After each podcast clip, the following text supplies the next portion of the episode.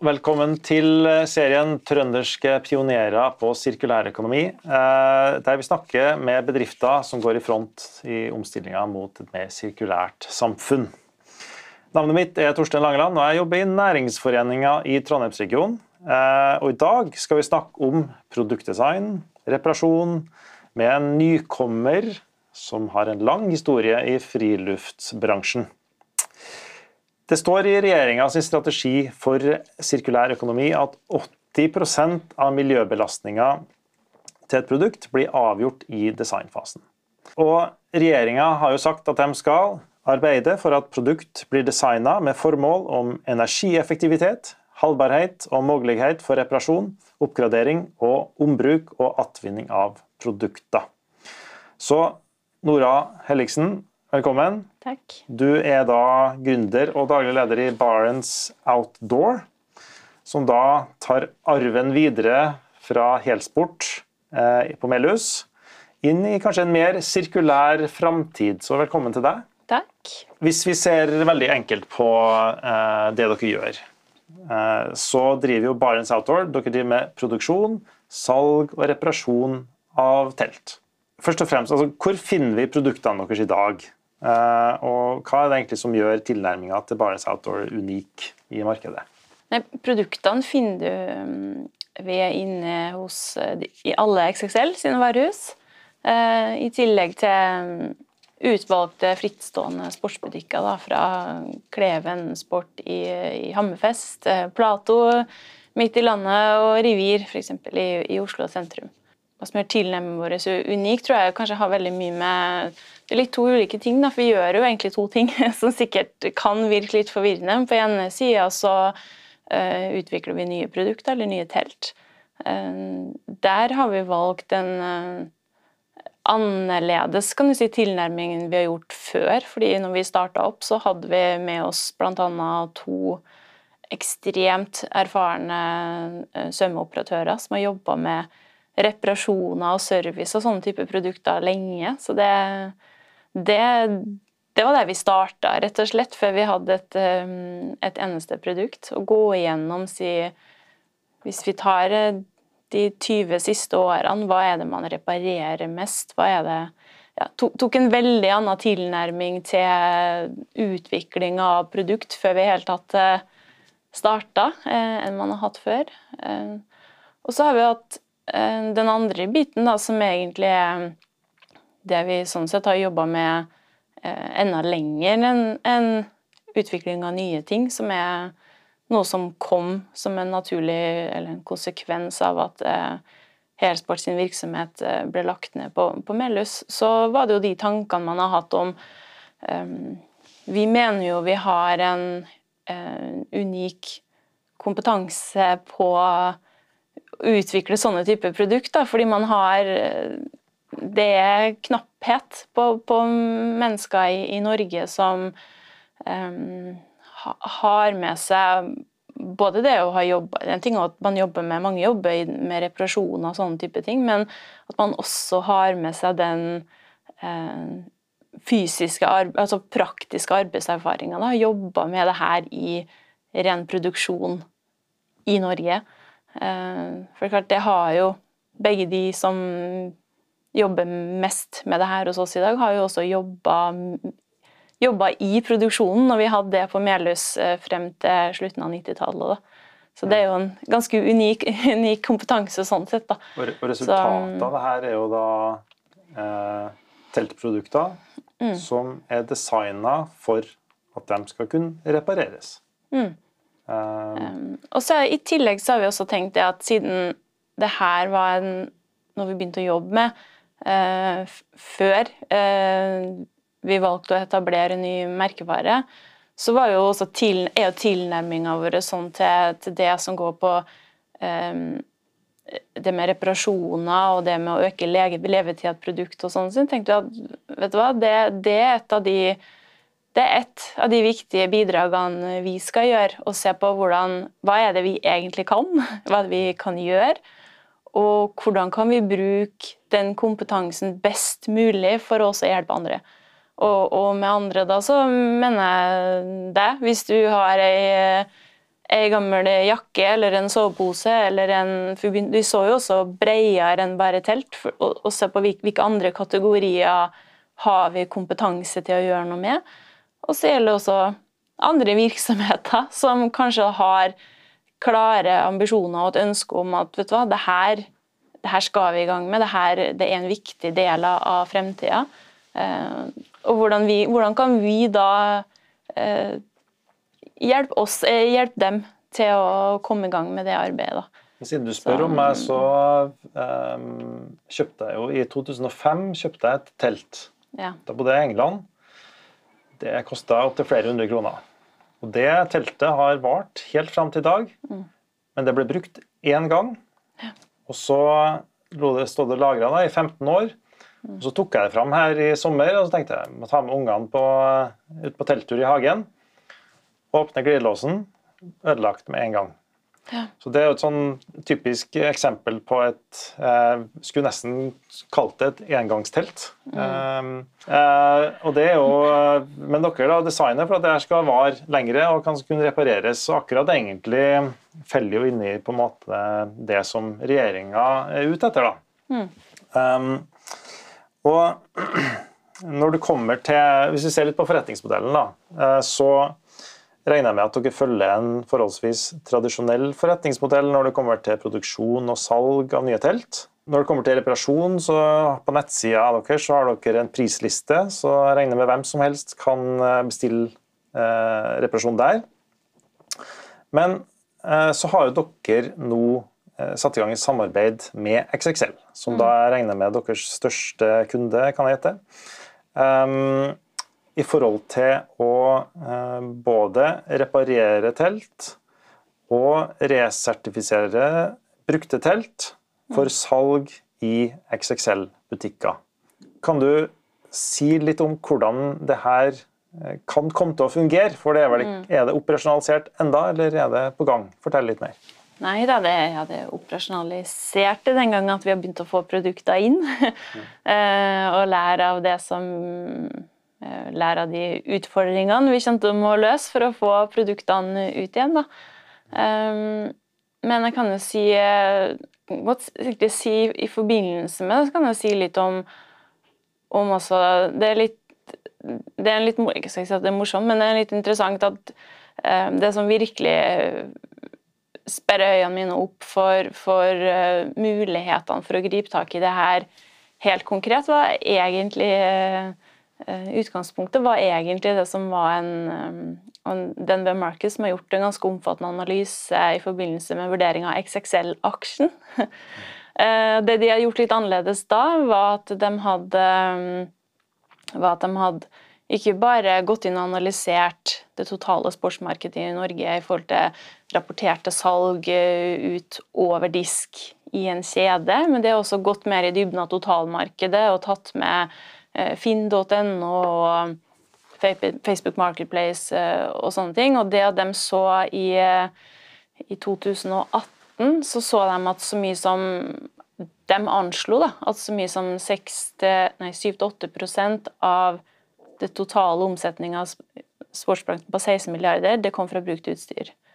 Um, og da tenker jeg sånn så at Og jeg var så mye i den perioden her også, samme periode, at det var så mye som som 40 eh, av den totale veksten i, i, bransjen kom fra brukt utstyr. Og da tenker jeg liksom så at ok, på en side så er det jo kjempepositivt, ikke sant? Og det sier jo noe om interessen til folk. Um, hvis en ser det fra et bransjeperspektiv, da, som en kjede eller en butikk eller en merkevare, så er det jo også um, produkter for ganske betydelige verdier som bytter henne. Det, det du som kjøper meg, og jeg som kjøper av deg. Så, så, de har jo ingen del i det. Men så ser jeg jo samtidig så er det jo betydelig antall um, produkter da, som, som, på en måte selges kan du si, uten at uh, noen tar kanskje det reelle ansvaret for det. For det er jo fortsatt sånn at selv om det er mange merkevarer som et veldig, har et veldig utvida ansvar for sine produkter, så, så er det jo også heller ikke til å komme fra at skulle det skje noe, og så har jeg kjøpt av deg, og så er det sånn ikke at det er helt edda bedda, men da har du et større problem enn om du kan vise frem en kvittering eh, og at det er kjøpt over disk. da. Eh, og det Ja, du, du nevnte jo sjøl at dere har hatt eh, dere har også prata med, med, med, bil, og, og, bil er jo faktisk en spennende bransje, syns jeg, da, å, ta læring av i forhold til hvordan kan man gå inn og um, både ta del i det markedet som er til de grader voksne, og det er snakk om betydelig volum, og hvordan kan man i størst mulig grad gå inn og trygge det ansvaret da, for de som velger å kjøpe brukt. For at det er folk som ønsker å kjøpe brukt, det, det er det jo ingen tvil om. da. Eh, så det, det, er litt den tilnærminga til oss, og, og, mye av det vi skal i gang med å, å lære mye om òg. Hva, hva, um, hvilke ting, hva er det viktigste driveren bak det å, å kjøpe brukt? Er det kun pris? Er det kun ideologi? Svaret er kanskje en eller annen plass midt imellom. Ja, det, men, det jo, men, det er jo interessant det du sier i forhold til altså, XXL. De har sett at her er et stort marked for brukt friluftsutstyr. Mm. Og Samtidig så ser jeg da på, på klessida mm. så har jeg snakka med aktører som har prøvd å komme seg inn i, hos klesbutikker og den type ting, mm. men som ser da en frykt hos de aktørene for at det brukte skal konkurrere med det nye, og kanskje får man lavere marginer. Og at det er en, det er en rekke sånne frykt som jeg ser for meg er relevant på tvers av varehandelen. Og, så Derfor er det spesielt interessant at du sier at i friluftsbransjen, eller sportsutstyr, eh, så ser de at her er et stort potensielt marked. Mm. Um, kanskje andre burde gjøre tilsvarende analyser. Mm. Uh, og så varierer det sikkert litt per bransje. Ja, du sier det, for jeg tror Jeg skal ikke si at man kommer til å angre på det, men jeg tror Jeg, tror, jeg syns det er utrolig um, motiverende da, at en aksjektør som, som, XXL går inn i det her um, så fryktløst, kanskje, på mm. mange måter som man gjør. da, For det er klart, det er jo det er jo, det er jo spørsmål man, man, må ta stilling til, men samtidig så um, tror jeg mange som på et eller annet vis er med å jobbe innen sportsbransjen, at kanskje de, med de klimarapportene som kommer, og ekstremværet som man opplever, at, og at vi, vi, jobber jo uansett hva, om vi er en butikk eller en kjede eller en merkevare. altså Vi lever jo av det her. ikke sant? Vi, har kanskje et særskilt ansvar også for å virkelig gå i front og, og ta, tak i, ta, tak i, de utfordringene her. For at, for at, det er reelt, ikke sant. Det, og jeg tror jo på Hvis man snakker om kanskje den Det er jo en tosida motivasjon i det òg. For det ene sida så tror jeg um, På den ene sida så har man jo det med at altså business as usual tror jeg alle er enig i at det det går ikke, liksom. 29.07. i år så hadde vi Da starta overforbruket til verdens overforbruk. Ja, eh, så vi må tilbake til 1970 for å Da var det 30. desember, ikke sant. Mm. Eh, som unntak av at uh, unntak av hva det, tre uker forbedring i koronaåret, så, så så er den veien det går. Så det tror jeg alle er enige om, at sånn kan vi ikke fortsette. Noe må gjøres. Og så på den andre sida så er det det med eh, Jeg tror det er viktig da å, å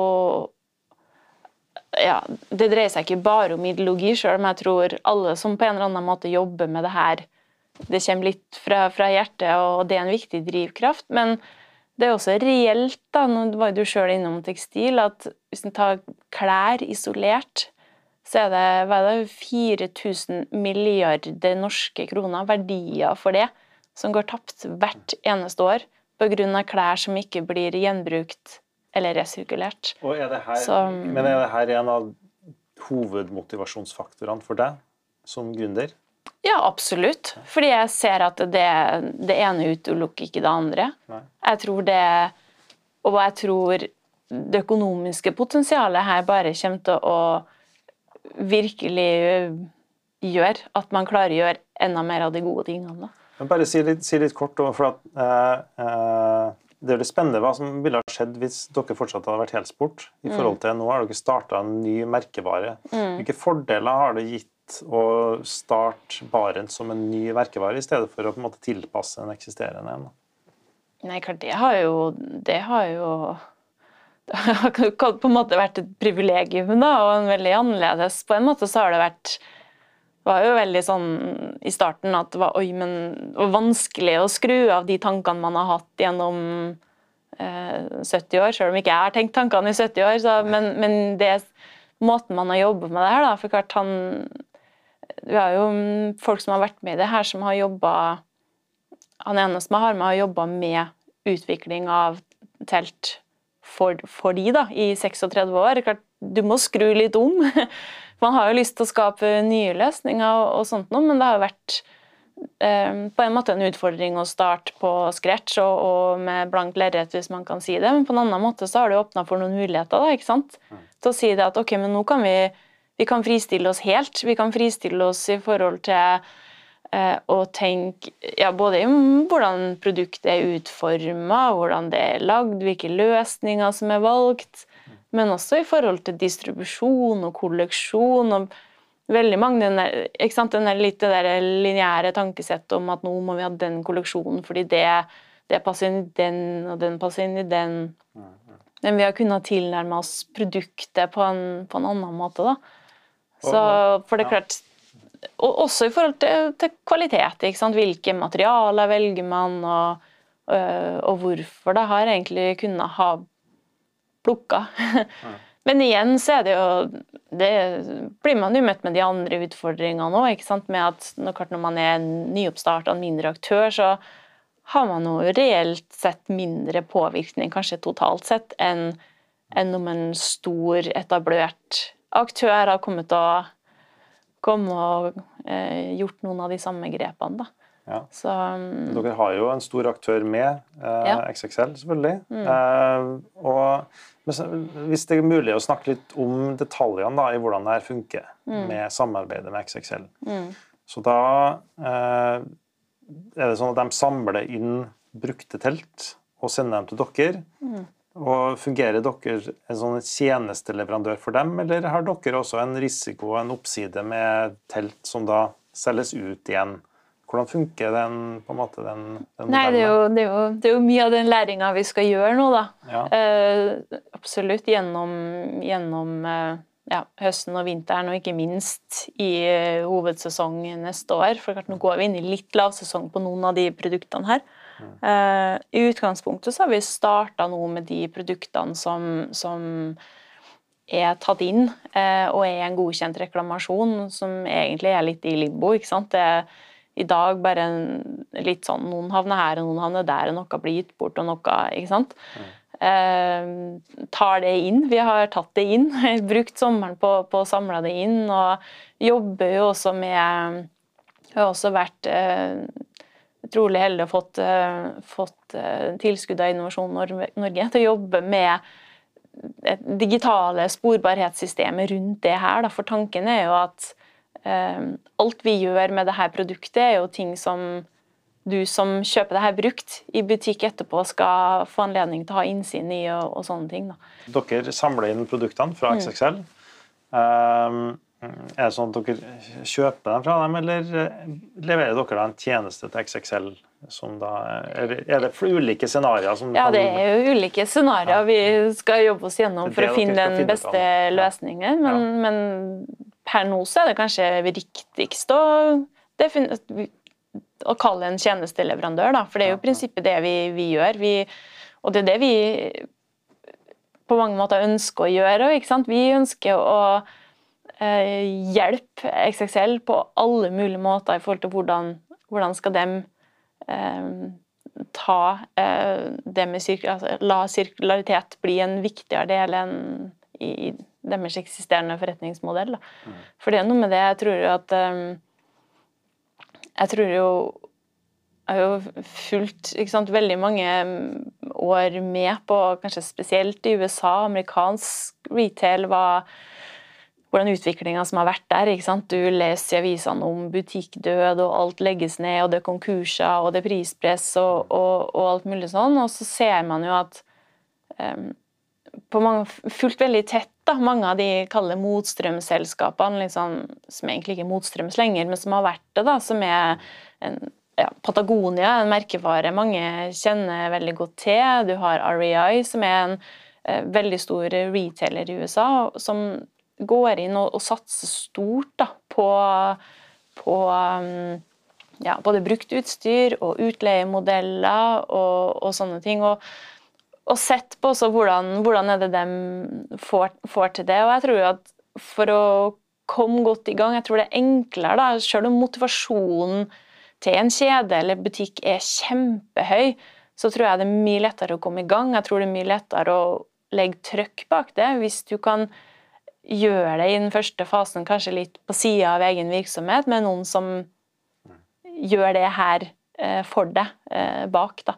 For klart, det er jo en realitet, liksom. Selv om, selv om motivasjonen er skyhøy og ambisjonene er der, så, så er jo alt er jo rigga for det lineære, ikke sant. Og det går jo på alt fra, fra innkjøp til hva man er vant til å selge, og hvordan kommunikasjonen er, hvordan distribusjonssentrene er rigga, hvordan butikkene er rigga. Vi er jo i gang med å jobbe med det nå. Nå skal vi jo forhåpentligvis eh, innen, eh, innen, en måneds tid er vi jo i gang med en eh, Det blir jo Tiller i Trondheim her som er nærme oss, og Alnabru i Oslo som er tett på hovedkontoret, som blir pilotbutikker. Mm. Og vi i gang på hvordan skal man ta det ut konseptuelt i butikk, ikke sant. Det er, Nei da, det er det, ja. veldig nære, men uh, i gang om noen uker da, så vil det jo bli mye læring, ikke sant. Hvordan, hvordan gjør vi det her? Men vår rolle i det her er jo det å ta de brukte produktene inn. Uh, gjøre jobben som må gjøres med dem i forhold til at de kan selges uh, på nytt igjen. Og levere dem hylleklar ferdig tilbake til XXL. Da. Vet, er det noen tanker Så, om at XXL kommer til å tjene penger på det, eller er det på en måte i, Ja, ja, helt, helt klart. Ja. Det er en krystallklar ambisjon fra deres side og fra vår side. Vi, Også vi på gjør sikt, det fordi eller så langsiktig? Nei, både på kort og, og lang sikt. Mm.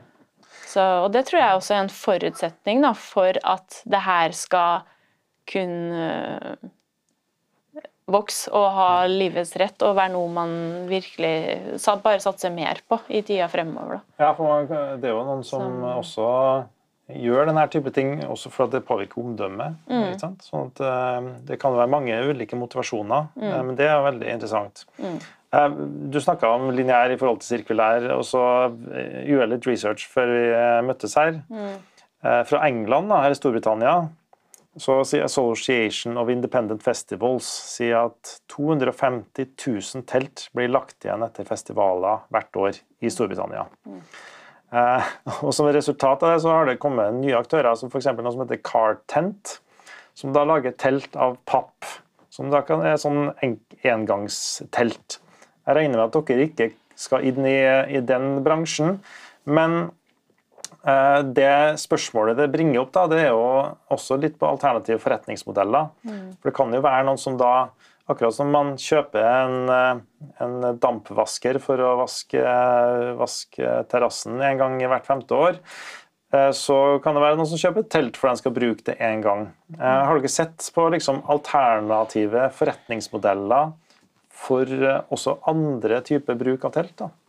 Ja, absolutt. Og det, det, det kommer, og det, det, tror jeg kommer fort. Men, men, jeg tror det viktige med det, da, og som i hvert fall det som jeg mener det viktige med det, at når du trår inn dit, eh, så skal du også ha klare tanker for hvordan det her skal eh, fungere både på kort og langt sikt. For det er veldig enkelt for meg å Du skal på tur i helga, og så er det det er veldig enkelt for meg å leie ut eh, noen nye produkter til deg i morgen. ikke sant? Også, men når du kommer tilbake med det her i overmorgen, da, så, så må riggen være på plass i forhold til å kunne håndtere det. Og sørge for at også de produktene blir leid ut lengst mulig. Og ikke minst at du håndterer dem når du kanskje da vurderer at nei, nå skal de ikke leies ut mer. Du kan jo være uheldig og komme tilbake med masse problemer. ikke sant? Masse som er ødelagt, og ting kan jo skje. Uh, og det, det syns jeg er en veldig viktig greie, da, for det, det, Jeg syns det Jeg er veldig glad for at du kan si det med reparasjoner og brukt er den tilnærminga de har valgt til det. For jeg tror løs, når vi løser det, så er det også Da er døra åpen inn til andre sånne forretningsmodeller som, som jeg tror vil bli en naturlig forlengelse av det, om det er utleie og innbytte og mange av de tingene der. Da. For jeg, um, du var jo inne på det sjøl, det med, med, med, nytt versus uh, brukt, og kanskje konkurranse mellom det, og hvordan gjør man det. Jeg tenker at det um, det, det, er kanskje reelt, mer reelt hvis du ser at uh, nye og brukte ting av samme kvalitet konkurrerer med hverandre men det jeg håper og, og tror, er jo at det at uh, tilgangen på brukte ting av høy kvalitet blir god, gjør at de produktene av best kvalitet også blir enda mer tilgjengelig for flere. ikke sant? At du kanskje unngår, av, unngår flest mulig av de billige produktene som både har kort levetid, og som kanskje gir en dårlig opplevelse på tur, men at de dyrere og mer varige og høykvalitetsproduktene også blir tilgjengelige for flere. da. Okay, jeg kan ikke skjønne Så, at um, det du sier nå er et eksempel som er relevant i veldig mange bransjer mm. i varehandelen, eh, både klær og, og andre ting. Mm. Man kjøper jo ballkjole som man bruker en gang. Eh, mm. Og det fins mange ulike eksempler. Så mm. jeg tenker der er det læring på tvers. Mm. Eh, så sånn sett er det bra at dere går foran. Um, la oss snakke litt om rammevilkårene til avslutningsvis. Um, på en konferanse nå i august i 2021 så argumenterte stortingsrepresentant fra SV Lars Haltebrekken Hatlebrekken fra for et momsfritak på reparasjonstjenester. Og så er det jo også Naturvernforbundet har også jobba for det. Hva, hva ville et sånt momsfritak bety for dere? Nei, enormt mye. Altså, Reparasjonstjeneste hadde jo blitt 25 billigere. Brukte produkter har blitt 25 billigere. Da snakker jeg jo om, om for forbruker, da. Um, og jeg syns jo absolutt at det er et uh, paradoks at på en måte så skal man si at uh, det her ønsker man at det skal satses på, og så og sånn, og så er man ikke villig til å gjøre eh, reparasjonstjenester så rimelig som mulig.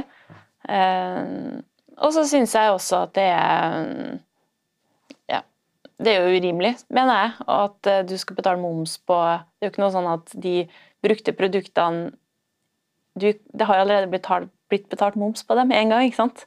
Det er urimeligheten i det at du skal egentlig dobbelt momse et produkt, da, som fordi ja. det selges to ganger, det jeg tror det har gjort mye for, for um, både interessen for brukt, og ikke minst uh, de prisene man har vært mulig til å tilby. Da. Ja, for Det ene er at så, du må betale moms for tjenesten å reparere, og det andre mm. er at det er brukte produkter som betales moms på. Ja. Mm. Um, så hva er liksom risikoen da nå altså, uh, Merker du at det er en sånn prissensitivitet her som gjør at det hindrer på en måte en framgang her?